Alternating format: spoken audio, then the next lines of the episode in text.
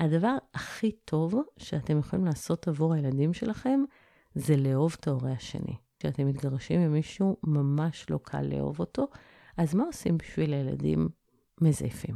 ילד גדל בטוח יותר אם הוא יודע שיש לו אבא מדהים ואימא מדהימה, גם אם הם חיים בבתים נפרדים.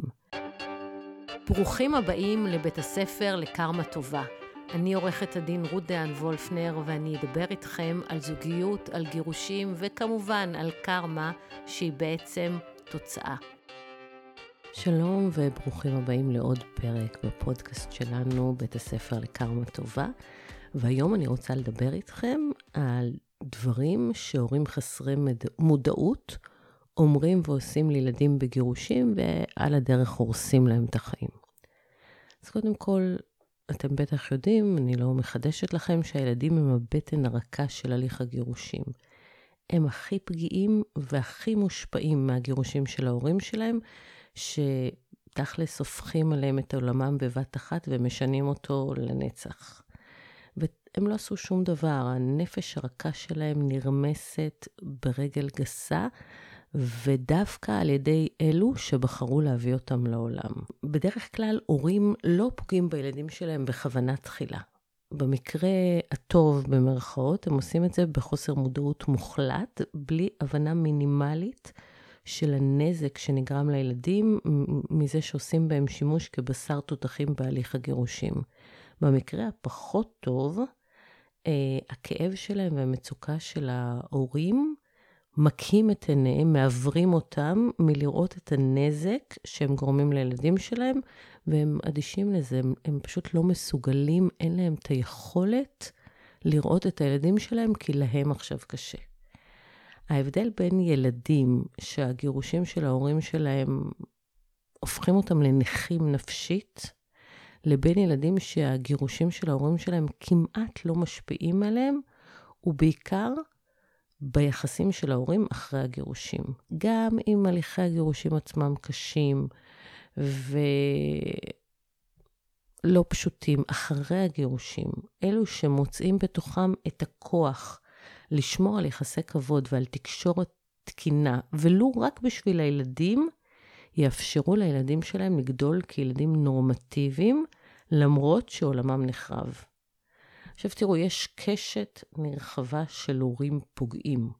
יש אין ספור וריאציות הוריות פוגעניות, החל מאלה שלא מפרידים בינם לבין הילדים, ולכן לא יכולים לשאת קשר תקין של הילד שלהם עם ההורה השני. יש הורים שהם הורים מנקרים, שגורמים לניתוק כל קשר בין הילד שלהם לבין ההורה האחר, הם בדרך כלל אנשים חולים.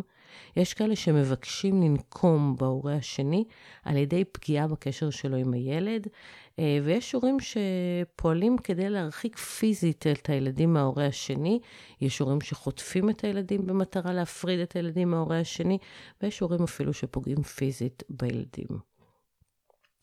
כל אחד מההורים האלה שתיארתי לכם הורס במו ידיו את חיי הילד שלו, גם אם הוא אוהב אותו מאוד. ההרס הוא נרחב, ארוך טווח, הוא פוגע ביכולת של הילד לפתח מערכות יחסים תקינות, לבטוח באנשים, לתת אמון, לשמש דוגמה ואפילו להתפתח נורמלי. אתם יודעים שלב טולסטוי כתב בספרו אנה קרנינה, כל המשפחות המאושרות דומות זו לזו, אך המשפחות האומללות, אומללות כל אחת בדרכה. וככה זה גם עם כאלה שהורסים את חיי הילדים שלהם, שהופכים את הילדים שלהם לבשר תותחים. כל אחד מהם עושה את זה בדרכו המיוחדת, ואומללות של ילד אחת היא בדרך כלל לא דומה לאומללות של הילד השני.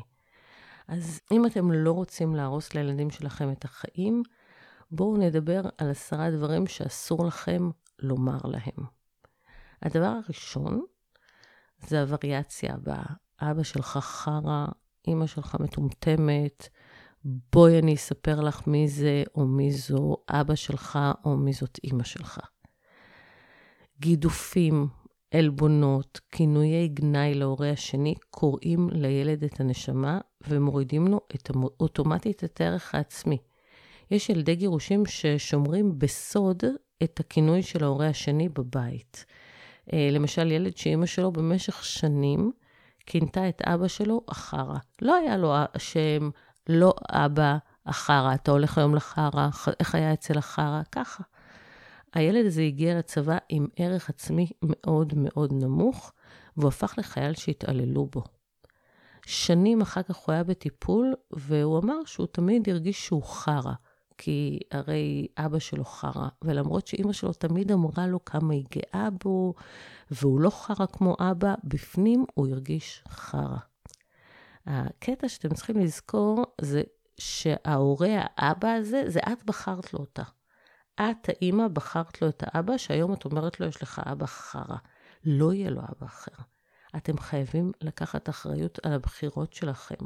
הילדים לא אמורים לשמוע מילה רעה על ההורה האחר שלהם, גם אם אה, נראה לכם שזה לא ככה ושהילדים צריכים לדעת את האמת, מכירים את זה? אתם גורמים להם נזק שיכול להיות בלתי הפיך. הדבר השני שאני מבקשת מכם להימנע מלומר לילדים, זה אני אהיה עצובה שלא תהיה פה. או אני אהיה עצוב של אני לא אראה אותך עכשיו שלושה ימים. אה, יש כאלה שחושבים שאמירה בסגנון הזה מעבירה מסר של אהבה לילד. אני אהיה עצובה או בודדה כשאתה תהיה אצל אבא אה, בהסדרי שהייה. למעשה, אמירה בסגנון הזה גם מעמיסה על הילד אחריות למצב הרוח שלך או שלך, וגם משדרת לילד שזה שהוא שוהה עם אה, אבא שלו או עם, אמא שלו, גורמת להורה האחר סבל. הילדים צריכים לעבור בין ההורים כשהם שמחים וכשאתם מפרגנים להם על המעבר. גם ככה קשה להם שההורים שלהם התגרשו. גם ככה קשה להם שהם צריכים לישון בכל לילה במיטה אחרת. הם לא צריכים על הכתפיים שלהם גם את האחריות למצב רוח שלכם. באמת, עם כל הכבוד. הייתה לי לקוחה שנהגה לעשות לילדים הצגה כל פעם שהם הלכו לאבא שלהם, יואו, איזה כיף שאתם הולכים לאבא, תעשו חיים, איך אני שמחה בשבילכם. כשאבא היה מגיע, הם היו עושים כיף, הילדים הלכו בשמחה, וכל פעם שהדלת נסגרה, היא הייתה מתפרקת על המיטה בבכי, אבל לילדים שלה לא היה מושג. שזה מדהים בעיניי, לא לשים על הילדים את האחריות על המצב רוח שלכם. הדבר השלישי שאתם ממש לא רוצים לעשות, זה לומר לילדים שלכם, אני אגיש תביעה כספית נגד אבא שלך, אני אתבע את אימא שלכם, או, עוד יותר גרוע, וריאציה נוספת, בוא תשמע מה אבא, כתב, מה אבא שלך כתב בתביעה, או בואי תשמעי מה אימא שלך אמרה לשופטת. כל משפט כזה שמכניס את הילד לתוך שדה הקרב המשפטי והכלכלי, מעמיס לו שני טון על הכתפיים. ילדים לא אמורים להיות מעורבים בהליכי, משפטי, בהליכים משפטיים, הם לא אמורים להתעסק עם כספים, הם לא אמורים להיות חשופים למסמכים משפטיים. נקודה. לא. הם לא אמורים להיות בתוך המקום של אבא שלך לא משלם לי מזונות ואני הולכת להוצאה לפועל לתבוע אותו. הם לא אמורים להיות בתוך המקום של אני נותן לאימא שלך מספיק כסף, אז אין לי כסף לתת לך. לא. יש לי לקוח שאשתו הקריאה לילד את כתב ההגנה שכתבנו, וגם את הפרוטוקול של הדיון. ואז הילד לא היה מוכן ללכת לישון אצל אבא שלו, ואשכרה ציטט לו סעיפים מכתב ההגנה ומהפרוטוקול, ועוד אמר לו, אני דורש שתתקשר לעורכת דין שלך, שהיא תגיד לאימא שלי סליחה, כי היא אמרה לשופטת שהיא מסיתה אותנו, וזה ממש לא נכון. אז כן, ברור שהיא מסיתה אותנו. מי שקורא מקריא לילד שלו את כתב ההגנה או פרוטוקול, מסית אותו. אין דבר כזה, אני רק רוצה שהילד ידע מה קורה. לא. יש לי לקוח שהבן שלו בן השש שאל אותו, מה זה מרשתי? בגיל שש, אימא שלו הקריאה לו מכתבי תוכחה שעורכת הדין שלה שלחה על זה שהוא לא מטפל היטב בילדים. אתם מתארים לעצמכם את הנזק של הילד הזה? כשאתם uh, חושפים אותם להליכים משפטיים, כי הם צריכים לדעת מה אבא או אימא שלהם כתבו. אתם ממש גוררים אותם וגונ... לתוך בור שחור וגונבים להם את הילדות. לא חבל. הדבר הרביעי שאני ממש מבקשת מכם לא לעשות, זה לומר להם, אמא רצתה להתגרש, או אבא עזב אותנו לטובת המאהבת, סלש הכלבה, סלש הזונה, סלש כל וריאציה אחרת שאתם רוצים. אתם לא צריכים להכניס את הילדים שלכם לתוך שאלת האשם בגירושים. כי ברגע שהעמסתם להם. על הכתפיים את אשם הגירושים, הפכתם אותם, ממש בניגוד לרצונם, לשופטים בגירושים שלכם, ותאמינו לי, הם לא צריכים את התפקיד הזה. כשאתם המבוגר האחראי, אתם לא צריכים חיזוק מהילד שלכם, לא שאתם צודקים וגם לא שאתם מסכנים. שאלת האשם מחייבת את הילדים לבחור את הצד של ההורה הלא אשם, במרכאות כמובן, כן? וילדים לא אמורים לבחור בין ההורים שלכם. זוכרים שאתם בחרתם להם את ההורה השני? זוכרים שאתם לא בחרתם איזה ילדים ייוולדו לכם? גם הילדים לא בוחרים הורים, גם כשהם מתגרשים. כשילד מקבל לגיטימציה לבחור את ההורה, הוא בעצם מקבל כוח שלא תואם את המציאות, והכוח הזה הורס לו את החיים, כי זה כוח מדומה. ילד לא אמור לשפוט ולבחור צד. ברגע שאתם מאפשרים לו לבחור צד ולשפוט, הוא מתנהל בעולם מתוך ידיעה שיש לו כוח בלתי מוגבל. הוא ילד שיכול לבחור את ההורה שלו. והכוח הזה הוא לא תואם את המציאות. ואז שהוא צריך להיתקל במציאות, למשל בבית ספר, הוא לא יכול לבחור את המורה. או בצבא, מי המפקד שיגיד לו מה לעשות? הוא בחר את אבא שלו, אז המפקד אה, יגיד לו מה לעשות. הוא, הוא לא מסתגל, הוא הופך להיות ילד בעייתי, הוא הופך להיות ילד שנפלט אה, ממסגרות, ובעצם זה הורס לו את החיים. ילדים שמנותקים מאחד ההורים שלהם, גם הם נראים בסדר, הם ממש לא בסדר. מתישהו בהמשך זה יוצא החוצה בעוצמה ובכאב ובאופן שאי אפשר לתקן את הנזק. זה נזק בלתי הפיך. ואתם יודעים, גם אם אתם בטוחים שאתם אוהבים את הילד שלכם ואתם לא עושים לו נזק ואחר כך אפשר יהיה לתקן את הכל, זה לא נכון. אי אפשר לתקן נזקים שמצלקים את הנפש של הילד. אין לכם גישה לנפש הזאת, ואתם לא יכולים לעשות הוקוס פוקוס ולהחזיר אותה להיות נפש של ילד נורמלי. לא, וגם טיפולים לא עוזרים. הדבר החמישי שאני מבקשת מכם, מפצירה בכם לא לעשות לילדים, זה לא להגיד להם אה, דברים מכלילים על המין השני. למשל, כל הנשים שקרניות, כל הגברים רמאים, בוגדים, אי אפשר לסמוך על גברים, אי אפשר לסמוך על נשים. משפטים בסגנון הזה הורסים לילדים את היכולת לנהל מערכות יחסים נורמטיביות, בגלל שאתם מכניסים להם לראש שאי אפשר לבטוח בבני המין השני. הילדים שלכם אה, צופים בכם ומקשיבים לכם, והמשפטים האלה שוחטים להם את היכולת לנהל קשרים זוגיים בעתיד, וגם אם הם יצליחו לנהל מערכות יחסים, יש סיכוי טוב שהם יסתיימו בגירושים, שאולי עוד יעלו לכם הרבה כסף. הרי אם כל הגברים בוגדים וכל הנשים שקרניות, מה הסיכוי להחזיק מערכת יחסים עם גבר בוגדני או עם אישה שקרנית? מראש הם מגיעים לתוך מערכת יחסים בלי באמת יכולת לנהל אותה. וכשילדים גדלים עם דימויים כאלה על המין השני, מה הסיכוי שהם יצליחו באמת להתגבר על זה? באמת לנהל מערכות יחסים תקינות. עכשיו תחשבי על הילד, על הבת שלך, שאת באמת, את מאוד אוהבת אותה ואת דואגת לה, ואם עושים עליה חרם את לא ישנה בלילה, והבת הזאת גדלה עם uh, תפיסות של אימא שלה, שגברים הם חארות, אי אפשר לסמוך עליהם, הם רמאים, הם בוגדנים. הילדה הזאת, שבאמת, רק אם עושים לה חרם, את נכנסת לאטרף, היא גדלה, היא הופכת להיות אישה צעירה, בת 20 ומשהו, והיא לא מצליחה לנהל מערכת יחסים, כי כל הגברים חארות, שקרנים ובוגדים. היא לא מצליחה.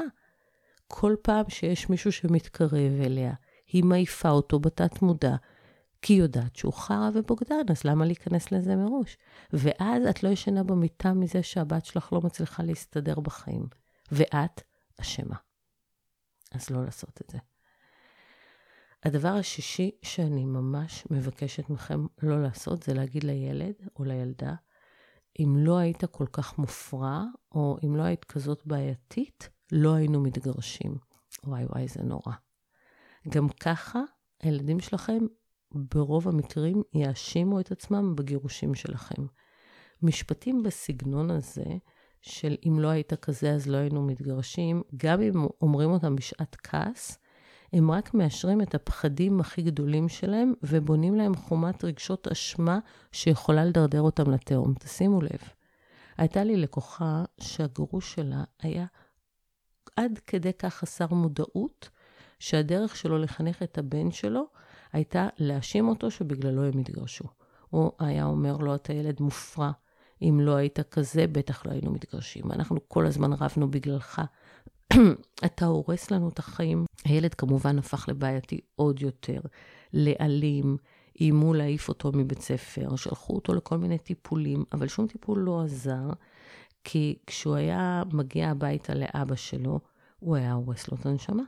בסופו של דבר, ואחרי הרבה זמן, המערכת הבינה שמי שצריך טיפול זה האבא.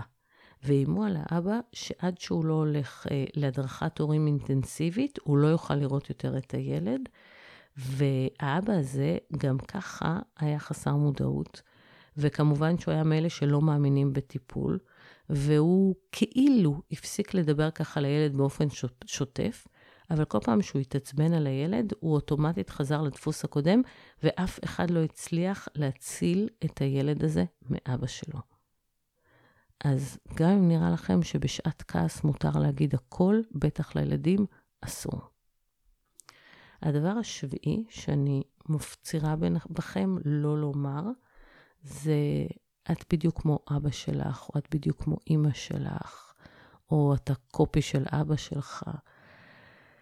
תחשבו על המסר הזה שאתם מעבירים לילדים, שהוא בדרך כלל לא נאמר בהערכה, אתה בדיוק כמו אבא שלך, איזה יופי, יש לך אבא מדהים, אלא בתוכך. הרי אתם כבר לא מעוניינים בזוגיות עם ההורה הזה. וברגע שאתם אומרים לילדים שלכם שהם בדיוק כמו ההורה האחר, אתם משדרים להם מסר של דחייה. מסר שמביא אותם לשאול את עצמם אם גם אותם יום אחד אתם תפסיקו לאהוב, כי אם היא בדיוק כמו אימא שלה, ואת אימא שלה אתה ממש לא אוהב, אז אולי גם אותה יום אחד תפסיק לאהוב. ואז הילדה הזאת חיה את חייה בידיעה שהאהבה של אבא שלה מותנית, כי הוא הפסיק לאהוב את אימא שלה, והיא כמו אימא שלה, והוא יכול להפסיק לאהוב גם אותה. אה, היה לי מקרה שאבא ממש שנא את האימא, והוא אמר עליה לילדים כל הזמן, הדבר היחיד שאפשר לומר על אימא שלכם זה שהיא יפה. עכשיו, הוא לא אמר את זה בצורה טובה. אתם מבינים? אם הדבר היחיד שאפשר לומר עליה זה שהיא יפה, אז בטח אפשר להגיד עליה גם שהיא חכמה או טובה. ואז כשהילדה נכשלה במתמטיקה, הוא אמר לה, טוב, את כמו אמא שלך, העיקר שאת יפה. הילדה הזאת בכיתה ט' הפסיקה ללמוד מתמטיקה ולא עזר שום דבר. האבא חירב לה את הביטחון העצמי, וגם אחרי הצבא היא לא הצליחה להשלים בגרות, והיא תמיד אמרה שאין לה סיכוי, היא כמו אימא שלה לא טובה בלימודים. ככה דופקים לילדים את הביטחון העצמי, לא רק באופן זמני, לא זה יעבור לה, לא, לפעמים, או בדרך כלל, יותר נכון לומר, זה בלתי הפיך. הדבר השמיני, שהוא סופר בעייתי, זה לא להגיד לילדים את האמת. אבא הלך למילואים, אבא נסע לחו"ל, אבא נסע לעבוד, אבא הלך לישון אצל סבתא. כל המשפטים האלה מסביב, שהמטרה שלהם זה להתחמק מלהגיד לילד שההורים שלו מתגרשים. עכשיו, כשאתם אה, משקרים לילדים, או מפתחים אצלהם ציפיות לא תואמות מציאות במטרה בעצם להגן עליהם מפני המציאות הקשה של הגירושים, בסופו של דבר הסתבר להם שאבא לא נסע לחו"ל, או לא יצא למילואים, אלא בעצם התגרש מאימא שלהם, ואז זה הופך אותם לחסרי ביטחון ועם חרדת נטישה מטורפת. בתקופה הזאת, כשאתם מתגרשים, הילדים צריכים כמה שיותר ודאות. ולכן, אם uh, נפרדתם, אל תיתנו להם להבין שיש סיכוי שבעתיד אה, אתם תחזרו להיות כמו פעם. כי אז הם יחיו את החיים שלהם. בתקווה שאולי ההורים שלהם יחזרו לחיות כמו פעם, והם יהיו ב... פשוט יהיו חסרי ביטחון. אתם צריכים להסביר להם באופן שמותאם לגיל שלהם, שנפרדתם, ואין להם שום דבר שהם יכולים לעשות בעניין הזה, אחרת הם יכולים לפתח תפיסת עולם חרדתית שהיא מבוססת על חוסר ודאות. והכי טוב זה לה, להסכים יחד, עם, ביחד בין שני ההורים, על איזושהי גרסה מעודנת של המצב, לדבר איתם ביחד, ולהקפיד להעביר להם אותם מסרים. אחד הדברים היותר גרועים זה שאחד ההורים, בעיקר זה קורה כש, אצל זה שרוצה להתגרש, מחליט שחייבים לספר מחר לילדים. עכשיו, למשל, היה לי מקרה כזה שאבא החליט שחייבים לספר לילדים, הוא הודיע לאימא שהם מתגרשים, הוא היה מאוד מאוד נרגש מהרעיון שהם מתגרשים, כי הייתה מישהי צעירה שחיכתה לו בחוץ, הוא אמר לה, מחר אנחנו מדברים עם הילדים. היא אמרה לו, חכה שנייה. אני לא, אני, אני עוד לא מעכלת את זה, כבר להגיד לילדים, לא מעניין אותי. הוא לקח את uh, שלושת הילדים למסעדה, הוא אמר להם, אני ואימא לא מסתדרים ואנחנו מתגרשים. והוא ציפה שהילדים uh, יגידו לו, יופי, איזה יופי, כל הכבוד, טוב שאתה הולך אחרי הלב שלך, וכמובן שהתוצאה הייתה קשה, והילדים קיבלו את זה מאוד קשה, גם את העובדה שהם לא ידעו שהם אמורים לספר להם ביחד, אבל משהו הרגיש מאוד מאוד לא נכון. אז אה, לומר לילדים את האמת ביחד, אחרי שתיאמתם ביניכם גרסה שמאפשרת להם לחיות עם המצב. ועוד משהו בעניין הזה, זה ילדים צריכים ודאות. עכשיו, אם החלטתם להתגרש, אבל אתם עוד חיים באותו בית ואתם לא הולכים אה, כל כך מהר לעשות את זה, אלא אתם מחכים קודם להגיע להסכם ולא מפרידים מגורים, עדיף שלא תגידו לילדים, כי אז הילדים יודעים שההורים שלהם יתגרשו, אבל הם לא יודעים מתי. והם מוצאים את עצמם תלויים בין שמיים וארץ, גם ככה העולם שלהם נחרב, הוא עוד מעט יחרב עוד יותר, אבל אנחנו לא יודעים להגיד לכם מתי זה יקרה, זה לא טוב. הדבר התשיעי שאל תעשו לילדים שלכם, זה אל תגידו להם, אין לך סיבה לבכות, אל תהיה תינוק, לך לחדר. אני יודעת שקשה מאוד לראות כמה כאב הגירושים שלכם גורמים לילדים, וקשה לשאת את הכאב שלהם, שיכול להתבטא בבכי או באיזשהו כעס גדול, או בהתנהגות שמבטאת את זה. אבל תדעו לכם, למרות הקושי הגדול שלכם, בעצם להכיל את זה שאתם פוגעים בילדים שלכם בעצם זה שהם מתגרשים, או שההורה השני החליט להתגרש והילדים נפגעו, אתם צריכים לתת לילדים שלכם להביע את הכאב שלהם ולהיות שם משענת עבורם, גם אם בפנים אתם מפורקים לגמרי, ותכלס אתם מרגישים צורך להישען עליהם. זה הזמן להיות המבוגר האחראי. אם לא תיתנו להם לבכות או להתפרק על ידכם, הם ירגישו שהם צריכים להסתיר את הרגשות שלהם או להדחיק אותם, ורגשות מוסתרים ומודחקים יוצאים בסוף בסערה החוצה כמו הר געש, והנה הילד שלכם מתפרק לכם מול העיניים. והדבר האחרון שאני ממש מפצירה לכם לא לעשות, זה לא להגיד לילד, אתה הגבר בבית הזה עכשיו, או לילדה, את האישה בבית הזה עכשיו. ממש לא. ואני רוצה לספר לכם על אבי. היו לו שלוש בנות ובן קטן. הוא אף פעם לא באמת טיפל בהם, אבל בגירושים, כמו בגירושים, הוא דרש והוא גם קיבל משמורת משותפת. ואז מה שהוא עשה, הפתרון שלו למצב, זה להפוך את הבת הגדולה שלו לאימא קטנה שאחראית על האחים שלהם. היא הכינה להם סנדוויצ'ים בבוקר, החליפה להם אה, בגדים, והיא הייתה רק בת עשר. במקרה אחר, גילה לא סמכה על האבא של הילדים שלה, והיא הפכה את הבן הבכור שלה, שהוא היה רק בן שש, לאחראי על האח שלו בן השנתיים. הוא שמר עליו, הוא דאג לו, לעתים קרובות הוא נזף באבא שלו שהוא לא מטפל כמו שצריך באח הקטן שלו. היא הפכה אותו למבוגר אחראי.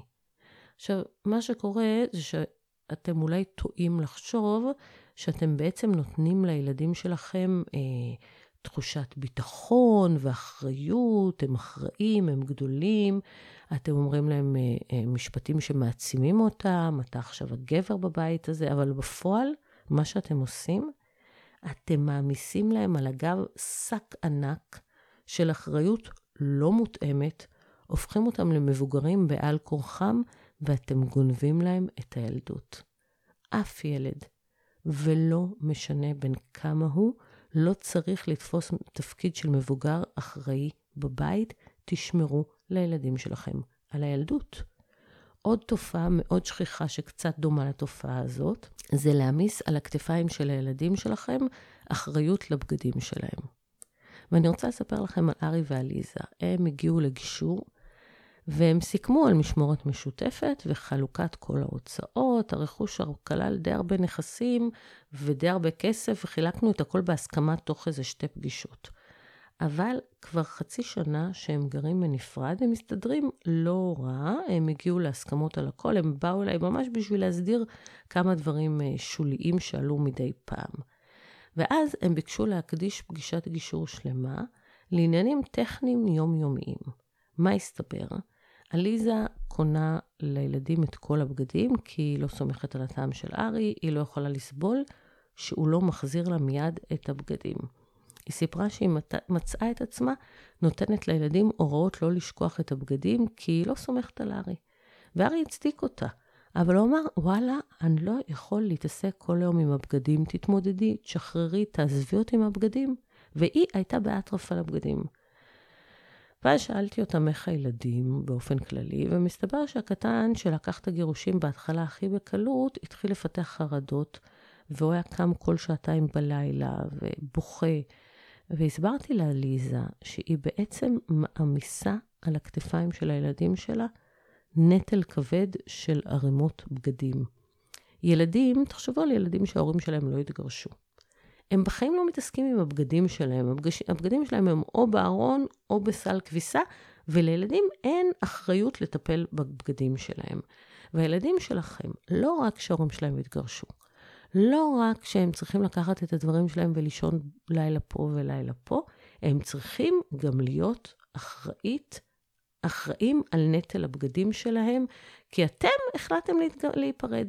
לא קשה להם גם ככה? למה הם צריכים את האחריות הזאת של הבגדים על הכתפיים שלהם? ארי די הזדעזע.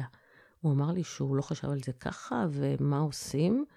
ועליזה, שבהתחלה היא קצת גילתה התנגדות, כי היא הייתה בלחץ על הבגדים, היא אמרה, אוקיי, אני מוכנה למצוא פתרון. ואז אמרתי להם, תראו, בואו אני אציע לכם שתי אפשרויות. האפשרות הראשונה אל תדברו בחיים עם הילדים, כלום. פעם בשבוע תעשו אתם החלפות של הבגדים, תיקחו שקית, תשימו את הבגדים שלך, ש, שצריכים להיות אצלך אה, בשקית, תחזירו וכיוצא, ובצורה כזאת. וה, והאפשרות השנייה זה להכפיל את תקציב הביגוד, וכל בגד שאתם קונים תקנו פעמיים, אחד לארון של אה, האבא ואחד לארון של האימא. אני דווקא הופתעתי, אבל הם מיד הסכימו לאפשרות השנייה, ואמרו שאם אפשר לקנות שקט לילדים בכסף, הם ישמחו לעשות את זה. אז באמת, ארי ועליזה הם דוגמה לכאלה שהורים שגילו כוחות נפשיים ובגרות, שאפשרה להם להסיר מעל כתפי הילדים שלהם את הנטל הזה של הבגדים, אבל לא תמיד זה ככה, ובהרבה מקרים ההורים אה, לא מהססים להפיל על הילדים שלהם התעסקות עם דברים שהם לא צריכים וזה פוגע בהם. אז זהו. אחרי שדיברנו על מה לא להגיד ומה לא לעשות לילדים, בואו נדבר על מה כן. הדבר הכי טוב שאתם יכולים לעשות עבור הילדים שלכם, זה לאהוב את ההורה השני. טוב, זה כמובן מצב אידיאלי, וכשאתם מתגרשים עם מישהו, ממש לא קל לאהוב אותו. אז מה עושים בשביל הילדים מזייפים? כן, כן, מזייפים. ילד גדל בטוח יותר אם הוא יודע שיש לו אבא מדהים ואימא מדהימה, גם אם הם חיים בבתים נפרדים. כשאתם uh, מטפטפים לו לווריד רעל נגד ההורה השני, אתם מפתחים אצלו נכות רגשית. זה כמו באמת להרעיל אותם פיזית. אמ, ואני רוצה לתת לכם דוגמה מהסרט האיטלקי החיים היפים של בניני. מי שלא מכיר, גווידו, הכוכב הראשי, מספר לילד שלו בן החמש, כשהם על הרכבת בדרך למחנה ריכוז, שהם בעצם חלק ממשחק שבו צוברים נקודות, ומי שצובר אלף נקודות מנצח ומקבל טנק אמיתי. ההומור והגישה החיובית של גווידו עוזרים לילד לשרוד תנאים מחרידים של מחנה ריכוז. יום לפני השחרור המיוחל, גווידו מת, נהרג אה, מיריות של סוהר גרמני, והוא השאיר לילד שלו הנחיות, והילד יוצא מהמחבור רק כשיש שקט מוחלט ולא שומעים קולות אה, של ירי. ואז רואים אותו יוצא מה, מהמחבוא, וטנק אמריקאי מגיע למחנה, המפקד מעלה אליו את הילד, תוך כדי נסיעה הילד רואה את אימא שלו בשיירת ניצולים שיוצאים מהמחנה, מהמחנה, יורד אליה ואומר לה, זכינו באלף נקודות, איזה צחוק, אנחנו חוזרים הביתה בטנק, ניצחנו. עכשיו, תראו, זה כמובן קיצוני, אבל גם במחנה ריכוז אפשר לצייר לילד מציאות אחרת שהיא לא תואמת, אבל היא יותר טובה לו. אתם מציירים לילדים שלכם את המציאות. ואם אתם אוהבים את הילד שלכם ורוצים להגן עליו, אתם יכולים לצייר לו מציאות מדהימה, גם אם התנאים האובייקטיביים קשים. תיזכרו בסרט החיים יפים כל פעם שאתם עומדים להנחית על הילדים שלכם אמיתות או עובדות על ההורה השני, וככה תעזרו לו לנצח את הגירושים. יש לילדים שלכם הורים מדהימים. ככה הם צריכים לחיות. זו המציאות שאתם צריכים לצייר לה, גם אם אתם חושבים שהיא לא נכונה. היא נכונה לילד. זהו, תודה. אם נהניתם מהפרק הזה, אני אשמח אם תדרגו אותו באפליקציות אה, הפודקאסטים השונות, וכמובן, תעבירו למי שזקוק לו. יכול להיות שהפרק הזה יציל ילד אחד או שניים. תודה לכם על ההקשבה.